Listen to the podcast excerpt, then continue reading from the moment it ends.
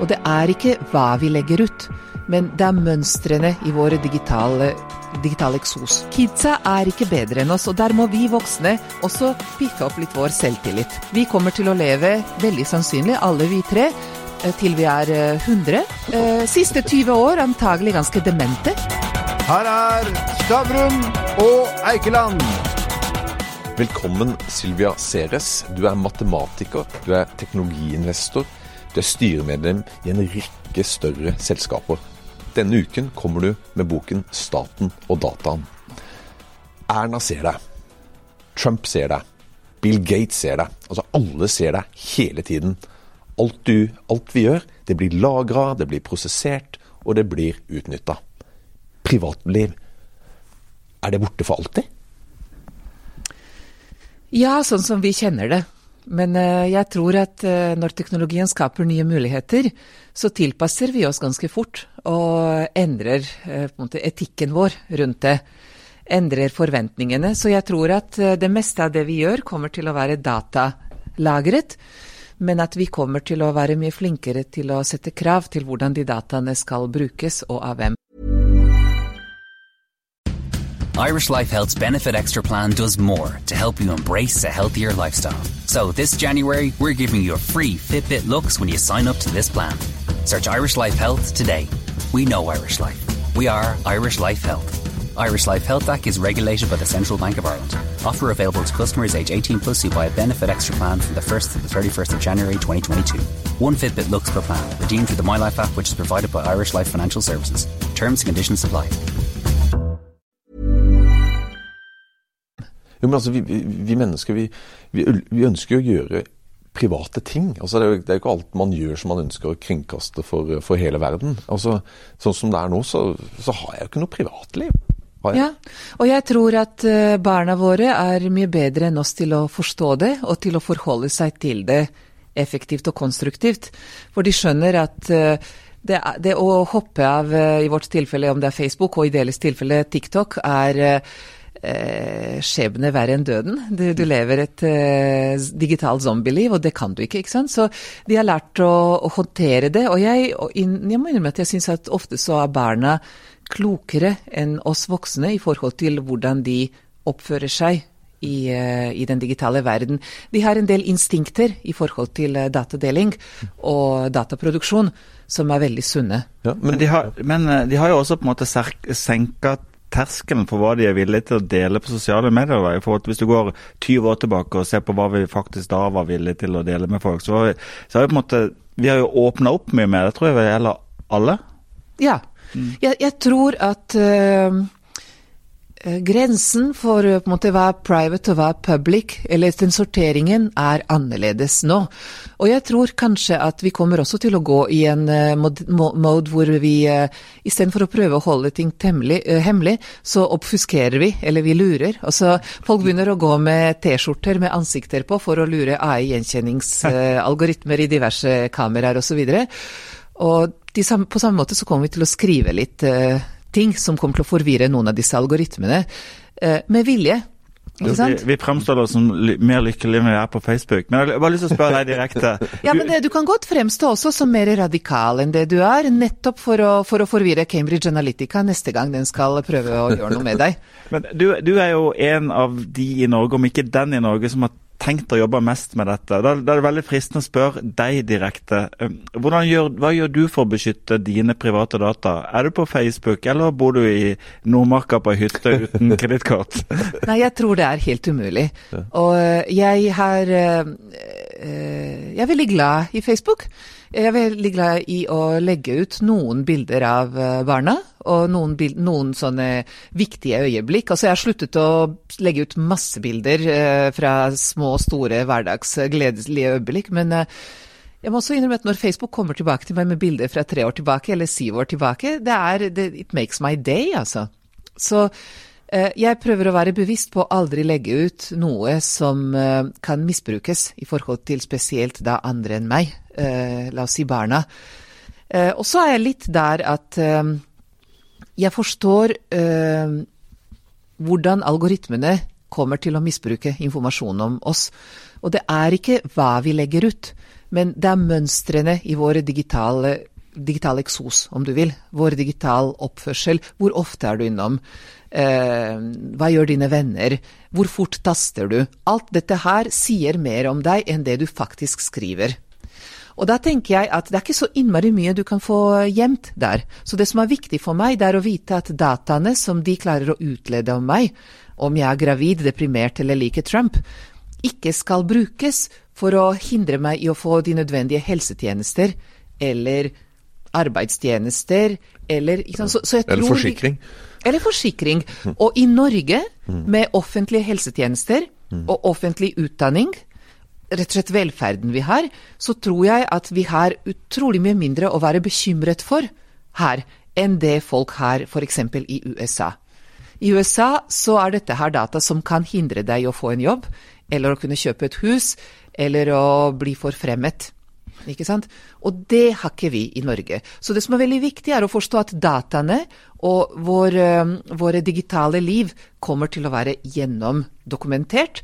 Det som er viktig, er at vi har en regulering og et regime, både offentlig og privat, som gjør at ikke de skal misbrukes på politisk uholdbare måter. Og her må vi bake inn våre verdier i da staten og dataen. Eh, men forsikring er jo et godt, godt eksempel på å illustrere ja. dette med. Hvis, du, hvis, alle blir behandla likt og betaler like mye i, i forsikringspremie, så, så, vil noen mene at det er urettferdig. Hvis du betaler like mye bilforsikring som en person som krasjer mye eller som eh, kjører i fylla, eller en like mye hudforsikring som en sitter hjemme og leker med fyrstikker, eller en som er veldig usunn. Så, så, vi vil jo si at det, det, er jo fint at alle disse dataene blir tilgjengelige, for da premierer de de som på en måte er eh, ja, lever sunt, da.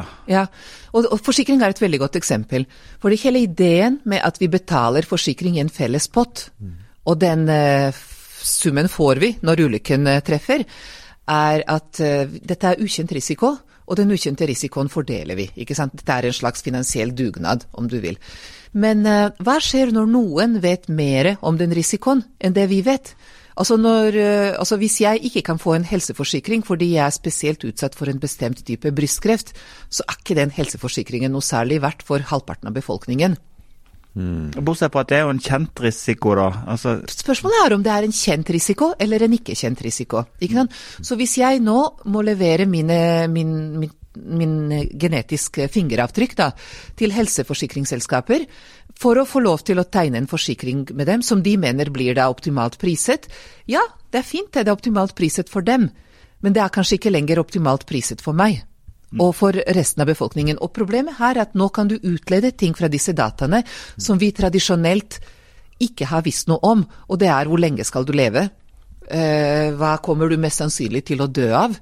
Kommer du til å krasje i en bil eller ikke? Jeg kan godt si at en ung gutt på 18 eh, i en rød sportsbil har antagelig mye større sjanse til å krasje enn det eh, en dame på 50 eh, som kjører en Toyota Prius.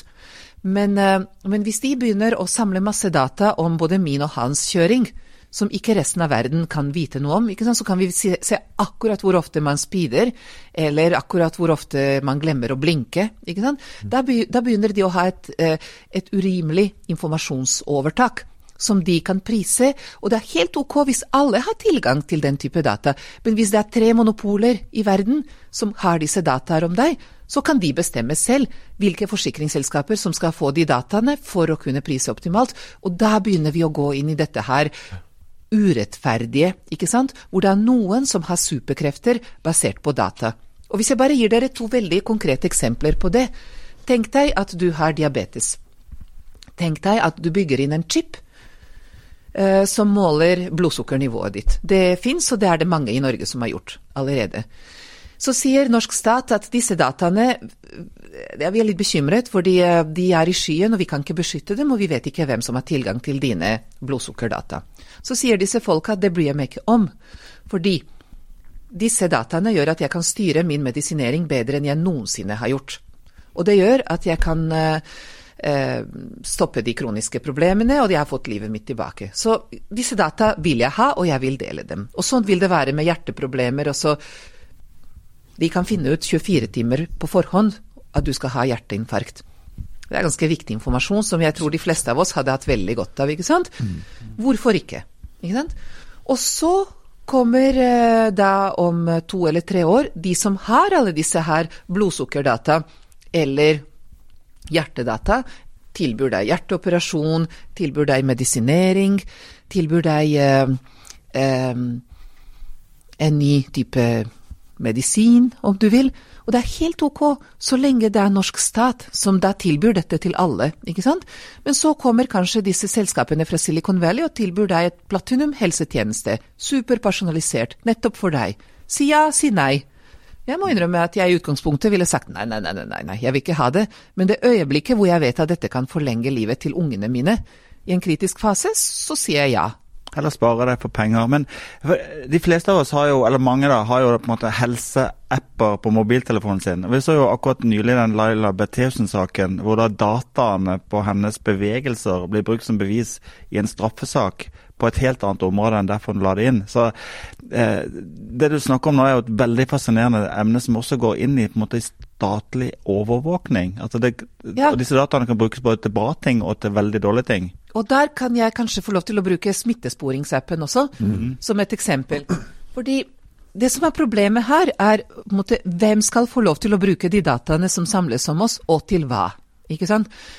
Og eh, hvis dette her er en eh, viktig straffesak for Norge, så syns ikke jeg det er så galt at norsk stat får lov til å bruke disse dataene. Tenk dere om uh, istedenfor Laila det var snakk om en terrorist som faktisk uh, drepte noe folk.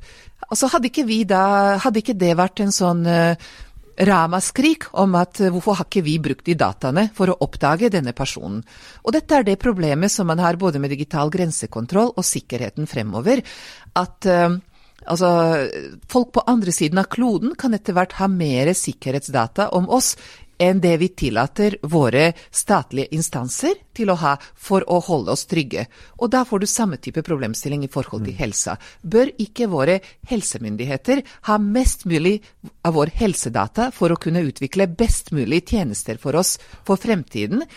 Er det virkelig bedre at det er selskaper på andre siden av kloden, sånn som uh, Huawei. Huawei, eller, eller Ja. Amazon, da, Ja. som uh, har alle våre trackingdata.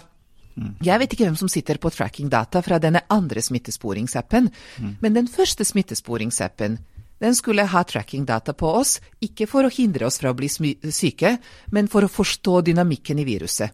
Ikke sant? Og hadde vi forstått dynamikken i viruset, at jo, den smitter akkurat på de måtene, og det er to meters avstand holder, det, er, det går kjempefint. Og hvis vi klarer å holde to meters avstand i alle trikker og busser, og eh, shoppingsentre og kontorer, så kan vi egentlig kjøre samfunnet vårt på 70% effektivitet gjennom pandemien. Men, men, men Og hadde vi skjønt det fra smittesporingsappen, så hadde vi spart enorme ja. eh, pengesummer og jobber, og kanskje også psykisk helse. Dette ville vi ikke dele med vår stat, fordi vi mente at dette er vi usikre på hvordan skal brukes. Både du og jeg, og du, går med telefoner i lommene våre som sender gjennomsnitt gjennom 70 apper hele tiden samme data til andre siden av jorda, og de selskapene, om det er Huawei eller Google, kommer tilbake til oss om to år og tilbyr oss fantastiske personaliserte trafikktjenester, helsetjenester, og det kommer vi til å betale for. Og da har ikke vi latt vår stat utvikle de samme tjenestene som den skal gi oss gratis, fordi vi er litt redde for hva de skal gjøre med data. Og så gir vi de samme dataene til internasjonale aktører, uten å tenke tanken engang på at de tjenestene vil utkonkurrere våre fellestjenester.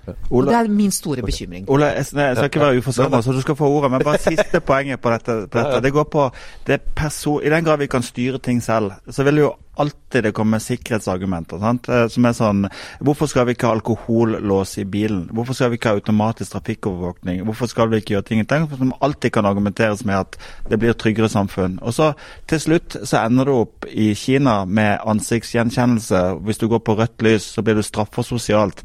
Er det ikke sånn at vi på en måte er altfor lite opptatt av vår egen integritet, og altfor lett lar å kjøpe av sånne sikkerhetsargumenter? Jeg tror det motsatte. Jeg tror at det er ganske mange steg da mellom der vi er i dag og Kina, og ikke minst på utvikling, forskning og samling av data. De ligger lysår foran oss i forhold til deres evne til å samle inn data. og gjen, uh, utnytte de data til sine samfunnsmål. Og det som er hovedpoenget, det du snakker om nå, det er selve kjernen i det som burde være politikken nå. Det er på en måte hva skal vi med de data? Ikke sant? De dataene som burde samles nå fordi politikken blir digital, samfunnet blir digitalt, jobbene blir digitale, alt blir digitalt. ikke sant? Det er hva skal vi, hvordan skal vi? ikke sant? Og da er det snakk om at noen data skal kunne brukes til uh, måte, ja, sikkerhets... Hvem skal få lov til å sikkerhetskontrollere oss? Hva, hva, skal man få lov til å overstyre? Kanskje alkohol og biler er ikke lov for staten å overstyre, men det burde vi ha en felles debatt om. Ikke sant? Vi burde ha det som en sak, og så burde vi si at ok, Frp mener at det skal ikke ha staten noe med. Og så skal noen andre si at jo, det skal staten ha noe med. Og så får våre politikere kjempet ut på vegne av oss. Ikke sant? Ja, men, men, men, det du sier da, er det, ikke litt naivt å tro at uh, når all data lagres, og så sier man at man får bare lov til å bruke den delen av det, men det er lagra et eller annet sted, som du sier, kanskje på andre sida av verden. altså alt som blir laget kan jo bli misbrukt. Og høyst sannsynlig kommer til å bli misbrukt. Det er helt riktig det du ja, sier. Ja. Og det blir misbrukt. Mm. Men hvorfor er det bedre at folk på andre siden av kloden skal misbruke det til sin fortjeneste ja. ikke sant? og sine aksjonærenes utbytte? Um, jeg, og ifølge sine verdier, ja. istedenfor at den um, brukes av oss uh, ifølge våre verdier, mm. ikke sant? Mm. Og for vår felles beste. For du må huske at den største utgiften denne staten kommer til å ha i fremtiden, i all fremtid, det er våre helseutgifter. Vi kommer til å leve, veldig sannsynlig, alle vi tre, uh, til vi er 100. Uh, Uh, med litt grann flaks, ikke sant? Ja, ja, uh, siste 20 år antagelig ganske demente. Nei, det er slutt Ole. men du og, og, men, altså, Er ikke det da viktig at vi muliggjør staten til å levere oss best mulig tjenester for det den kommer til å måtte levere til oss? Og er ikke det da viktig at vi nettopp har sånne diskusjoner om hva er misbruk av data? Jeg er helt enig med deg. Men... Særlig hos de som ja. vi kan kontrollere, istedenfor hos de som vi ikke kan kontrollere. Men i boka di så, så har du gått gjennom partiprogrammene og Er det fair å si at du er ikke veldig imponert over de politiske partienes bevissthet om akkurat dette problematikken? Uh, jeg var ikke så veldig imponert uh, før jeg leste den siste utgaven, for de har kommet med noe som er ganske kult nå, egentlig for en måned siden. Og uh, kanskje til min store forundring, så er det SV som jeg syns har tenkt egentlig mest spennende her. Og de tenker utrolig mye om dette her med felles verdiskapningsevne på basis av data. Det er ett poeng som er veldig, veldig viktig. Og det andre, altså data, vi må slutte å prate om data. Og mer data og mer IKT-utdanning og mer, mer, mer. For det, det, virker som om det er det som har vært politikken på digitalisering. Mer IKT-jobber, mer eh, båndbredde, mer datasentre, mer data. Og da har vi fiksa det. Men poenget er hvordan skal vi verdisette data? Hvordan skal vi sette data i spill? Og så er det et annet ekstremt viktig poeng som SV er veldig bevisst på, eh, og det er polarisering. Fordi eh, gjennom sånn eksponentiell vekstmulighet så eh, skjer det en veldig rask omfordeling av kunnskap, kapital og makt til færre og færre, og de som kommer til å være da herrene i fremtiden, er de som sitter på dataene.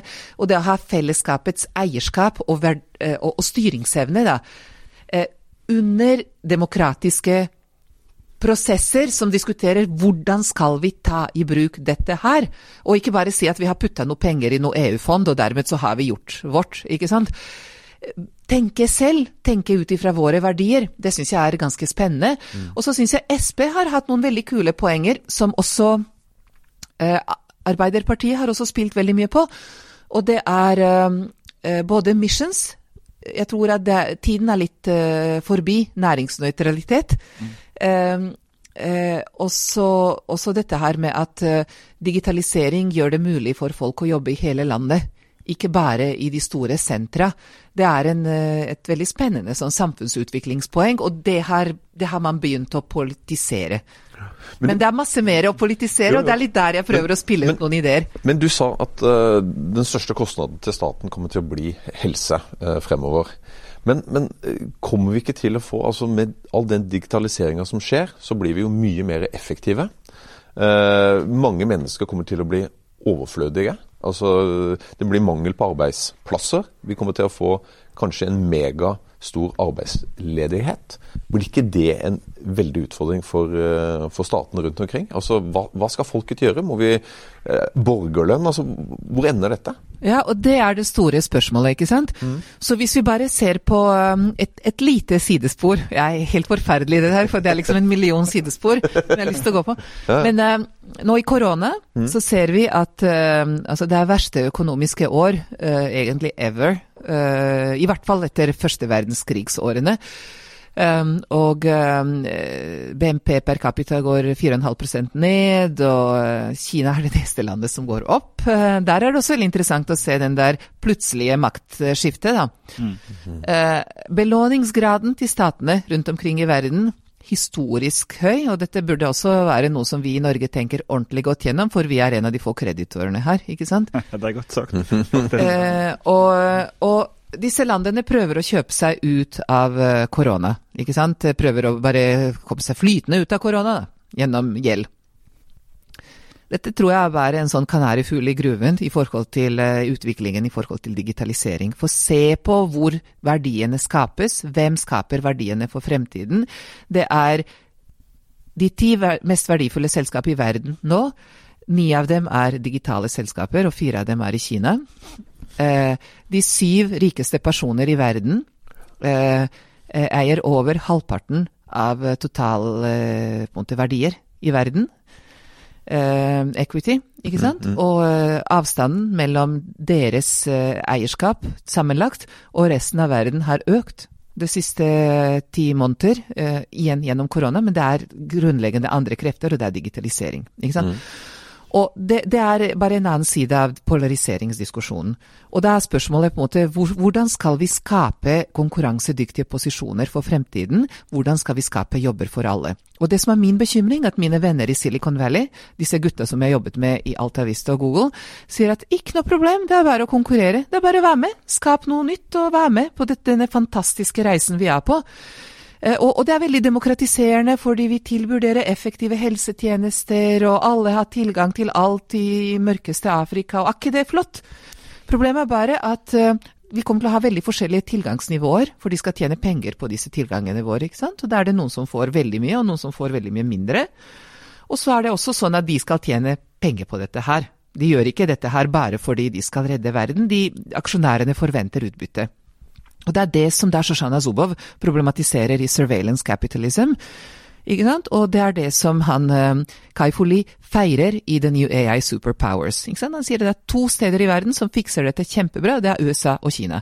Og så påstår jeg at det fins et tredje område i verden som kan fikse dette på en helt unik måte, og det er Norden. Og kanskje Norge i spissen. Fordi USA kommer til å spille helt ukritisk på dette med eh, konkurranse og individualisme og materialisme, ikke sant. Kina har blitt like materialistisk, men de felles spiller på en sånn totalitær fellesskap, ikke sant. Norge har en unik balanse, Norge og Norden, da, har unik balanse mellom dette med individualisme og konkurranse og fellesskap og samarbeid. Og det å vise at noen av tingene kommer til å måtte styres i fellesskap, og ikke tjenes penger på, jeg mener at helse, utdanning, infrastruktur, sikkerhet, det må vi ikke la bli markedsdrevne tjenester, for da blir det aldri likt nok fordelt. Ikke sant? Og Derfor er det utrolig viktig at staten vår leverer veldig attraktive digitale tjenester på det. Jeg kommer tilbake til borgerlønn og jobber. Nei, null, null stress. Jeg hører jo her den eh, neste digitaliseringsministeren til Støre, så det er jo helt klart. jeg snakker altfor direkte. Nei, dette er veldig bra. så eh, jeg tror ikke det. Men, men, eh, men jeg, kan være, jeg, kan godt være, en sånn benkeforslagsdame. ja. Men, men, men også, også er vi veldig flinke til å utvikle ekstremt konkurransedyktige tjenester, men så må vi spørre oss på hva. Og der tenker jeg det er to fantastiske muligheter. Det er eh, det vi alltid har vært veldig gode på. Det er type energi eh, Altså Grunnen til at vi ble så rike på olje, det er ikke at vi fant oljen, men det er at vi lagde dette her fantastiske oljeservices-greiene med verdensledende teknologi osv. Og, og det gjorde vi på vannkraft. og Det er disse enabling technologies, fjerde industriell revolusjon. Det er vi kjempegode på. Det kan vi gjøre en ny sånn drøm på eventyr, tokt, mission, mm. på energi og på, på uh, hav. Mm. Men så har vi også dette med offentlige tjenester. helse. Altinn. Altinn burde vi feire, istedenfor så beundrer vi Estland, ikke sant. Så er spørsmålet hvem kommer til å ha glede av dette her? For det første så må, må, må ikke det bare være Silicon Valley og Kina, det må også være oss. Ikke sant? Så da må vi lage konkurransedyktige tjenester. Den eneste måten å konkurrere seg ut av uføre, det er å være med på konkurransen. Og da må vi alle være med på den konkurransen. Så det, altså det kan ikke være sånn ekspertenes monopol på innovasjonsnytte. Uh, og Derfor driver vi med Løren, for det skal på en måte spre kunnskap til alle. Derfor er denne podkasten deres så flott. Fordi alle skal kunne forstå det vi snakker om, ikke bare liksom, uh, teknologinerder eller professorene. Mm. Og det, det betyr da at vi må skape jobber for alle, og det må være nye jobber, tror jeg. Det må være nye måter å bygge medier på. Det må være eh, nye måter å drive med energi på. Det må være nye måter å levere offentlige tjenester på. Men det kommer til å være nye jobber. I bankene, når eh, minibankene kom, så er det ikke sånn at bankene sa opp alle. Men de byttet innholdet i jobben til folk som før satt bak skranken, til å være analytikerjobber som snakker med kunder på nye måter. Når Excel kom, så er det ikke det sånn at Det kalles en chatrobot. Nei da. som er dårlig. Og det Forløpig. er Foreløpig. Så derfor så må de nye jobbene være Jeg skal bare ha et siste poeng der. ikke sant? At når Excel-arket kom, det er ikke sånn at vi sluttet med å ha finansfolk eller regnskapsførere. Vi bare fikk mer enn noensinne før. Og, men, men må, da, og regnskapsførere tilpassa seg veldig den digitale. Og på samme måte ser vi nå at sykepleiere tilpasser seg, eh, legene tilpasser seg, offentlig ansatte tilpasser seg. Og den tilpasningen til de nye verktøy tror jeg blir clouet her. Og der må vi gjøre noe nytt med livslang læring. Men det er to veldig interessante veier eh, ut fra det du snakker om nå. Det ene er på en måte statens rolle, det offentliges rolle for Norge som i konkurransekraften internasjonalt. Det kommer jeg tilbake til. Men bare ta det, ta det som går på uh, Helt siden den industrielle revolusjonen har det vært grupper som har ment at hver gang det kommer nye maskiner, så kommer liksom all arbeidskraft til å bli, bli borte, og det er bare de som eier maskinene som kommer til å vinne. Sant? Og Sånn har det jo ikke gått. Jeg har bare lyst til å begynne der. Tror du det kommer til å gå sånn? Altså, Går det dit hen at det blir bare liksom eh, de fem plattformselskapene fra USA som kommer til å eie alt, og så er alle vi andre arbeidsledige og må få, få borgerlønn? Eh, tror du at det blir framtiden? Jeg tror det er litt opp til oss, mm. ikke sant? Og eh, jeg tror at det kommer ikke til å være sånn uansett, fordi jeg tror at så lenge det finnes eh, oppgaver, så kommer det til å være jobber. Men vi må, vi må, være veldig flinke til å uh, ta den diskusjonen på hva er det maskinene gjør bedre enn mennesker, og hva er det mennesker gjør bedre enn maskiner. Og med maskiner tenker jeg disse AI-greiene. Det kan godt være helt digitale tjenester. Det trenger ikke være en robot som står på en fabrikk, og, eller en robot som setter inn noe vaksine. Mm. Og da må du tenke på hva er det som er essensen i den jobben. Og essensen, la oss si, i en hjelpepleiers jobb du kan si at ja, men det er bare å, å, å vaske noen pasienter og skifte på noen senger. Eller du kan si at nei, det er å bruke teknologi for å skifte senger litt lettere og sørge for at pasienter har tatt medisinen og, og, og, og fått noe mat til dem. Men essensen i jobben er å være et medmenneske som forstår hvordan det mennesket har det, ut ifra noen gode digitale eh, kart som du ser på iPaden din, som samler inn data via alle sensorer rundt en uh, i sengen og rundt liksom, armbånd osv. Så, videre. så jeg tror at vi kommer til å sette mer pris på det medmenneskelige i alle oppgaver. Ikke sant? En, en robotjournalist kunne ha intervjuet meg. Mm og stilt en liste med fem spørsmål, og jeg kunne svart på de. Jeg tror det ville vært en forferdelig kjedelig intervju. For det første ville jeg vært veldig uinspirert i mine svarene, og istedenfor å ikke slippe til, mm. eh, dere til. Eh, altså, jeg, jeg som en pasient her, da, om du vil, er veldig nysgjerrig på hvordan dere to reagerer som mennesker på meg. Mm. Og jeg tror grunnleggende, de grunnleggende sosiale behovene er nødvendige, og det er det vi kommer til å sørge for at alle jobber gjennomfører. Og så må de bruke alle verktøy som fins for diagnostisering, for eh, oppfølging, for å bygge byggene raskere, for å gjøre dem grønnere.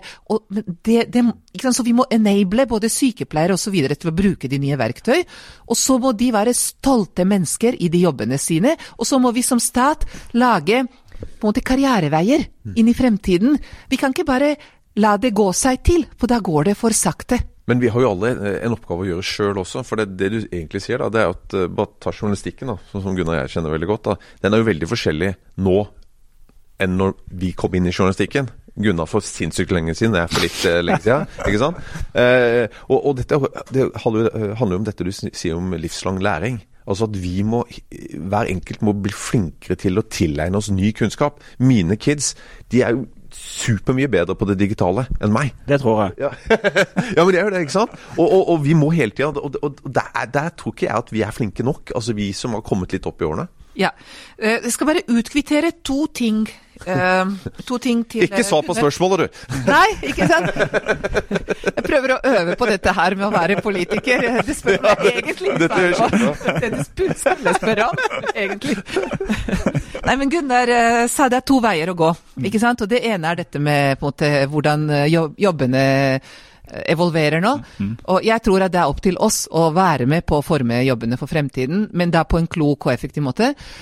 Og så tror jeg at vi må gjøre litt sånn Silicon Valley også, og skjønne at dette her blir nye forretningsmodeller. Og der har vi vært litt for treige. Men statens rolle, som var ditt første spørsmål, mm. tror jeg er å være en innovasjonsplattform. Mm. Ikke sant? Å sette noen retningslinjer og være en god innkjøper, investere i disse sandkasser, og der gjør vår stat nå veldig mye spennende. Ikke sant? Det å teste seg litt frem til hva som er riktig til Norge, og hvordan kan vi måtte og, og, det kan du gjøre gjennom også innkjøp. Staten er den største innkjøperen her, og også den største eieren. Norsk stat jeg har sittet i noen styrer hvor norsk stat har vært eh, eier, og eh, vi elsker å kritisere dem. Men egentlig så er de den mest langsiktige eieren jeg har vært borti. Mye mer langsiktig enn alle aksjonærene som vil bare se at de får noe utbytte i neste år. Og den evnen til å tenke langsiktig som utvikler, må norsk stat ta veldig, veldig tøft inn over seg. Og, og, der er litt problemet med måten vi bygger statsbudsjetter og alt på. ikke sant? At vi, vi bygger dem ut ifra litt sånn marginale endringer. Politikken i dag dreier seg om krangling på marginale endringer på, på gårsdagens budsjett. Mm. Istedenfor å si at nei, nei, nei, vi setter av noe ordentlig for utvikling, og der har EU vist vei på en veldig spennende måte. Så det var statens rolle. Når det gjelder det andre spørsmålet om borgerlønn, som du stilte tidligere, der har jeg bare lyst til å gi et veldig kort svar. Og det er at uh, jeg tror ikke på borgerlønn. Fordi uh, borgerlønn tror jeg er litt sånn plaster på såret, men ikke medisin som fikser sykdommen. Ikke sant? Så du får noe penger, ikke sant? nok til å overleve, men jeg tror at vi mennesker har et grunnleggende behov for å føle at vi er relevante. Og du kan tenke deg også bare våre, våre pensjonister. Vi hadde en veldig spennende Learn-serie med Senter for seniorpolitikk. Og altså, vi går i en tid hvor du fortsatt pensjonerer deg når du er 70, ikke sant? Men, men du lever i 20 år til, med utrolig mye eh, kunnskap, erfaring og evne til å bidra. Vi må tilrettelegge så folk kan jobbe uten at de har en jobb, men at de gjør noe nyttig, og at vi belønner dem for det. Så det at en måte våre Nav-penger kommer med en eller annen form for insentiv for å bidra med noe som er samfunnsnyttig og utviklende for deg selv, det tenker jeg ville vært en fin borgerlønn. Ja. Så, så, tilbake til det du spurte om. Ja. Herregud, husker du det fortsatt? Hva spurte om? Hva var det ja, ja, jeg noterte meg. Dette det veldig fine digitale verktøyet som var blyanten. Så det, det, så, så det Ole spurte om, var dette med kidsa og læring. Og livslang læring, da, i utgangspunktet. Og hvem har ansvaret? Det er sånn jeg forsto deg. Så hvis jeg tar først det der sidespørsmålet ditt om er kidsa bedre enn oss, så mener jeg at uh, kidsa er ikke bedre enn oss, og der må vi voksne også piffe opp litt vår selvtillit. Ikke sant? Kidsa har uh, et, en, en, digital selvtillit som vi uh, burde egentlig være i. Og så har de også en sånn digital instinkt i forhold til hva er private, hva deler jeg, hvordan deler jeg, ikke sant? Og jeg tror at de er egentlig ganske mye mer bevisste på hva og hvordan de deler, det vi eh, innser. Og så tror jeg vi må hjelpe dem å forstå at det å dolle seg til på digitale og sosiale medier er ikke en sunn eh, på en måte filosofi for egen utvikling eh, for fremtiden. ikke sant? For, for det første er det uærlig, for det andre er den helt umulig å leve opp til.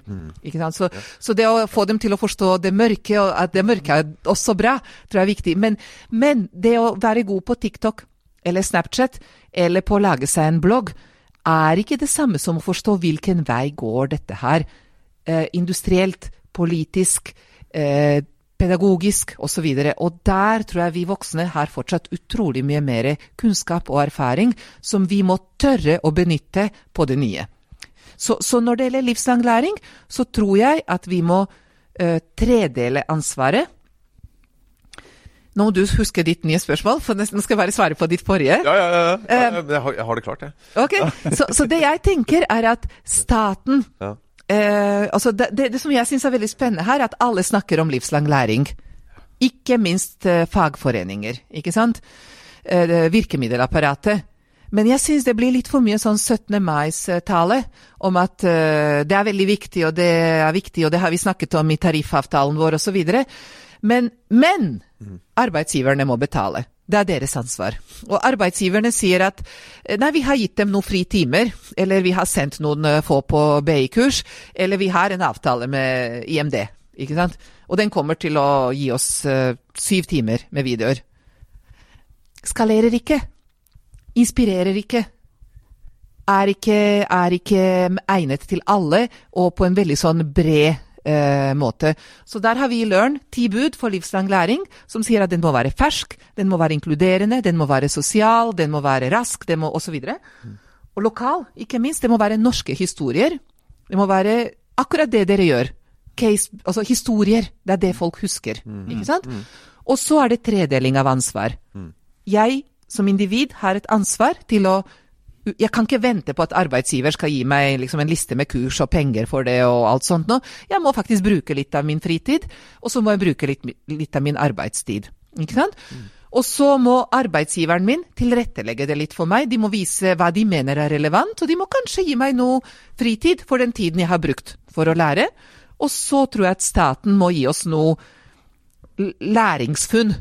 De, må, de, må, kanskje lette litt på skatten, da, hvis vi viser at vi har faktisk vært med og utviklet oss, og dermed gjort oss, vaksinert oss mot eh, Nav. Mm. Men, men eh, du, du, sa noe interessant i sted, at det er USA og det er Kina, og så tror du at Norden kan faktisk gjøre det bra i fremtida, hvis vi gjør de riktige tinga nå. Vi har hatt Reiner Inndal, som er en av gudene i norsk private equity her. Vi har hatt flere andre store investorer her.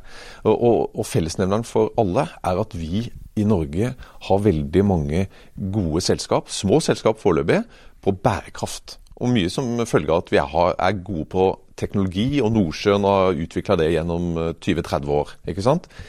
Hvordan, og du har, du har, jo erfaring fra Silicon Valley og var med med Alta Vista helt i starten osv. Tror du at vi klarer å utvikle de neste store megaselskapene innenfor bærekraft her fra Norge?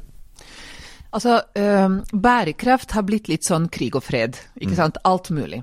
Og det som jeg tror er veldig viktig, er at vi plukker ut to eller tre områder innenfor bærekraft som vi skal rulle. Mm.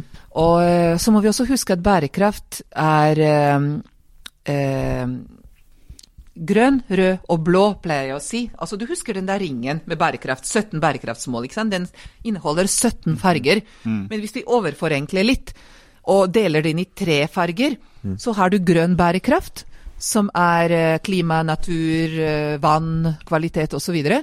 så har du rød bærekraft, som jeg tenker på som sosial bærekraft. Likhet. Eh, inkludering. Eh, kvinner. Alt sånt. Ikke sant? Barn, ikke minst. Eh, på tvers av land utvikling osv. Og, og så har du blå bærekraft, som jeg tenker på egentlig som ikke hav, faktisk, men sånn innovasjon evner til å vokse. Ikke sant? Mm. Og uh, jeg tror at Norge kan rule på to områder, og det ene er uh, likhet og antipolarisering. Uh, jeg tror, eller tre områder, hvis jeg får lov til å legge til en til. Offentlig og privat i samarbeid og innovasjon der. Og så tenker jeg noe rundt hav og energi. Og så tror jeg at Reinir og veldig mange andre investorer ser at, det, at bærekraft har blitt en vekstmotor. Og det er litt sånn grønnvasking, for å være helt ærlig også. Både i oljeselskaper og hos investorene, som nå sier at nå skal det være så veldig grønt. Men de vil ikke putte sine penger der før de ser hvor hvordan de pengene skal vokse. ikke sant? Så vi trenger dem til å hjelpe oss å gjøre noe som Norge er dårlig på. Og uh, jeg mener at uh, USA er veldig mye bedre på, og det er å komme inn i pre-money-fase men på ting som har kjempevekstpotensial akkurat her. Og Der vil jeg gi dere et eksempel på noe som Norge er veldig god på, og investorene vil ikke putte nok penger i. Og det er personalisert medisin. Oslo Cancer Cluster er fantastisk gode på eh, la oss si 12-15 selskaper som de har startet, eh, basert på norsk forskning på disse her vaksinene som etter hvert kan eh, ikke sant? De treffer deg genetisk perfekt på den type kreften du har. Mm. Og nå begynner Verden har ledd av dem. Mm. Vaxibody. Vaxibody, ikke minst, og Onco-immunity osv. Mm. Disse selskaper blir da kjøpt av japanske elektronikkaktører som har bestemt seg for å gå i helse, fordi der alle pengene er i fremtiden. Jeg tror at det vi har gjort med AI det siste året, kommer vi nå til å gjøre med HealthTech digitalt det neste året. ikke sant? Mm. Og hvorfor er det en japansk gigant, da, elektronikkgigant, som kjøper et norsk norsk øh, personalisert medisinselskap, og ikke våre norske investorer. Jo, fordi norske investorer tør ikke gå inn der før de ser at dette her blir det gigapenger av. ikke sant? Og Silicon Valley har vært veldig mye i øh, Andresen Horowitz, for eksempel som er et fond som de liker å se opp til, de har investert veldig mye. F.eks. de har en delfond som går akkurat på personalisert medisin. Og det problemet Andresen Horowitz har, at de har mer penger, mer kapital, enn kompetanse. Ikke sant? Mm. De investerer i genetiske analysegreier som finner ut om hvilken vintype Gundar kommer til å like versus eh, Ole. Altså, de, de klarer ikke å finne nok spennende caser. Mm. Vi har masse spennende caser og kompetanse, finner ikke kapital. Jeg studerte informasjonsvitenskap, og den boka som jeg husker fortsatt gjorde mest inntrykk på meg, var boka som heter 'Hva datamaskiner ikke kan'. Mm -hmm. Og når du, når du, sa i sted, tok et eksempel med hjelpepleiere, sant, mm. så, så, er jo det egentlig eh, den samme beslekta tingen. Og da tenkte jeg å spørre, hvis disse her eh, Eh, hvis disse maskinene algoritmene var så smarte, hvorfor er det sånn at når jeg har kjøpt en reise til London og et hotell, så blir jeg belemra i tre uker med nye reiser til London og hoteller? Det er bare fordi eh, datamaskinene gjør det de har fått beskjed om. Og det er å selge deg eh, personaliserte annonser. Og det de har klart å finne ut om deg, er at du enten liker en bestemt type bil eller en bestemt type reise. ikke sant? Så de har for lite data, og de kommer til å bli bedre og bedre på dette her. Ja. Men de gjør bare det de har fått beskjed om. Og det, det, er dette her som er kjernen i vår, vår måte, politikk og utviklingsevne fremover. Hva spør vi datamaskinene om å gjøre for oss? Vi må stille kloke problemer for dem. Og så må vi utvikle dem til å svare på de problemene på en måte som passer oss i Norge. Gunnar, jeg har en fin eh, avslutning. Uh, og jeg må bare stille spørsmålet, for jeg må ta deg litt sånn på, på, på, på, dette her. Og det går på Du sa at vi er ikke flinke nok i Norge på å se selskapene og investere i dem før de begynner å tjene penger. Vi hadde Fredrik Hauge her, og han er fortsatt sur på oss fordi at vi minner ham på at han kjøpte Tesla-biler istedenfor Tesla-aksjer da han kjøpte de tilbake i 2010. Hadde han gjort det, så hadde han vært milliardær i dag. Hvis du hadde kjøpt Altavista-aksjer og Google-aksjer, hvor mye hadde du egentlig nå eh, vært eh, Hvilken verdi hadde du hatt i dag? Så jeg kunne vært en av eh, de første Google hadde 16 ansatte da jeg var der i 1999, og jeg kunne ha blitt med på den reisen. Og Hvor mye hadde du rei da? nå? Jeg vet ikke, altså, men vi snakker om dollarmilliarder. Ja. Og, og, poenget er at du, du, du, kan ikke altså, Og, og jeg, har, jeg, lever ekstremt godt med at ikke jeg tok det valget. Og det er noe med at livet er en helhetlig pakke, og jeg ville antagelig ikke bodd i Norge med min gode norske mann og fire unger og kjørt Toyota Prius. eh, og hatt disse spennende diskusjoner med dere. Jeg ville antagelig vært en veldig sånn selvfornøyd eh, dame med altfor mye penger og altfor lite ting å gjøre. ikke sant? Så jeg tror at ikke alt kan måles i penger, og Fredrik Hauge kan leve fint med det også. Han står på for noe som er måtte, veldig mer, lett, mer, troverdig, hvis ikke han sitter på milliarder. Um, så, så, så, så, tenker jeg også at det som er viktig spørsmål for oss, er hvorfor Norge ikke har eh, altså, nå, nå, må jeg bare ta Tesla-paradokset. som er det neste spørsmålet dere må spørre en politiker, da. Og det er Nå har vi ins in insentivisert, stimulert folks kjøp av Tesla og andre sånne fantastiske elbiler i et par-tre år nå. Halvparten av alle Teslaer som uh, ble kjøpt uh, i dette landet, um, eies av 1 av de rikeste i landet. Hvor, hvor, hvor, måte, hvor, høyt oppe er de? Ti.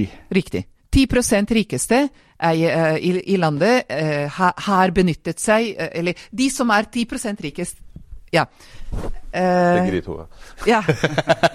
Jeg har kjøpt den, fordi jeg tenkte at dette må jeg bare gjøre. Og så har jeg bedt min pappa kjøre den, mens jeg fortsatt kjører Priusen. Fordi Priusen kjører fortsatt, ikke sant.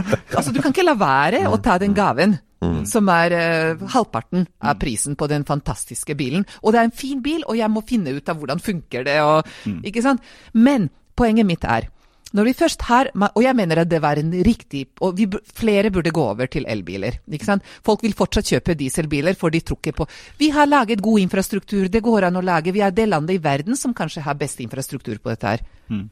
Men vi har ikke laget en nasjonal industri på dette her. Hvorfor er ikke vi da det landet som selger batterier, som selger smarte veier, som selger smart ladeinfrastruktur? Alle land i verden skal ha dette her. Hvorfor har ikke vi gjort det vi gjorde med oljeservices, nå på elbiler, og laget en ny eh, industriell eh, eh, eventyr, eller tokt, om dere vil? Det er fordi vi har ikke samla oss, vi har ikke laget planer. Vi har vært der hvor vi har bare sagt at dette tar vi når den dagen kommer. Det samme som vi har gjort med vaksinelogistikk, og det også er synd. Vi hadde ni måneder på å lage en enkel algoritme som ville regnet ut når vi plugger inn godkjenningsdato, type vaksine, og Litt demografi om hvordan skal vi vaksinere hele landet på fire uker. Men det gjorde vi ikke, fordi vi tenkte at det tar vi når den dagen kommer. Og det er det som er problemet med digitalisering. Hvis vi tar det når den dagen kommer, når vi har skjønt problemstillingene, da er det noen andre som har løst det for oss, og da er det de som tjener penger og bestemmer politikken vår.